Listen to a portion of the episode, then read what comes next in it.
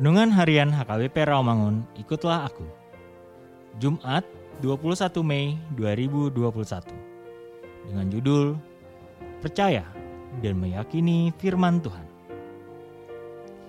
Bacaan kita pagi ini diambil dari Ayub 37 ayat 1 sampai 13. Dan bacaan kita malam ini diambil dari 1 Korintus 15 ayatnya yang ke-50 sampai 57.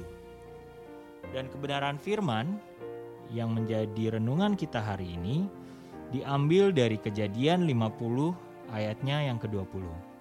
Yang berbunyi, "Memang kamu telah mereka-rekakan yang jahat terhadap aku.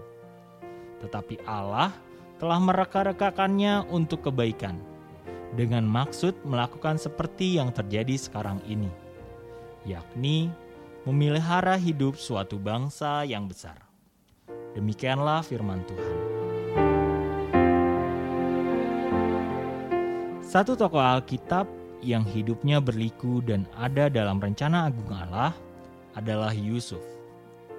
Yusuf merasa sudah melakukan hal benar dalam hidupnya namun hal-hal buruk terjadi dalam hidupnya. Berawal dari kebencian saudara-saudaranya, karena Yusuf diperlakukan istimewa oleh ayahnya, yang menimbulkan rasa iri dan benci, membuat mereka menjual Yusuf. Yusuf yang bermimpi kelak akan menjadi pemimpin, harus menjalani hidup sebagai budak di Mesir. Yusuf meyakini hidupnya yang berliku sebagai rencana Tuhan. Semangat hidupnya diasah dalam kesusahan Kejernihan hatinya diuji dalam pengkhianatan dan fitnah keji atasnya.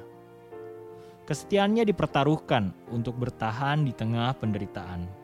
Ketika perjumpaannya kembali dengan para saudaranya, dia menyatakan imannya bahwa Allah memiliki rencana yang baik, bahkan mengubah rencana yang jahat semua. Tidak mudah untuk memahami seluruh rencana Tuhan dalam hidup kita terutama ketika rencananya berbeda dengan rencana kita. Karena itu, kita percaya dan meyakini firman Tuhan. Kita tahu sekarang bahwa Allah turut bekerja dalam segala sesuatu yang mendatangkan kebaikan bagi mereka yang mengasihi Dia, yaitu bagi mereka yang terpanggil sesuai dengan rencana Allah. Roma 8 ayat 28. Kita mengikuti rencana Allah dan belajar dari cara dan prosesnya. Karena proses tidak mengkhianati hasil akhirnya. Tuhan sanggup mendatangkan kebaikan dari situasi yang buruk. Marilah kita berdoa. Ya Tuhan, yakinkan dan kuatkanlah kami mengikuti rencana dan cara Tuhan. Semua indah pada waktunya. Amin.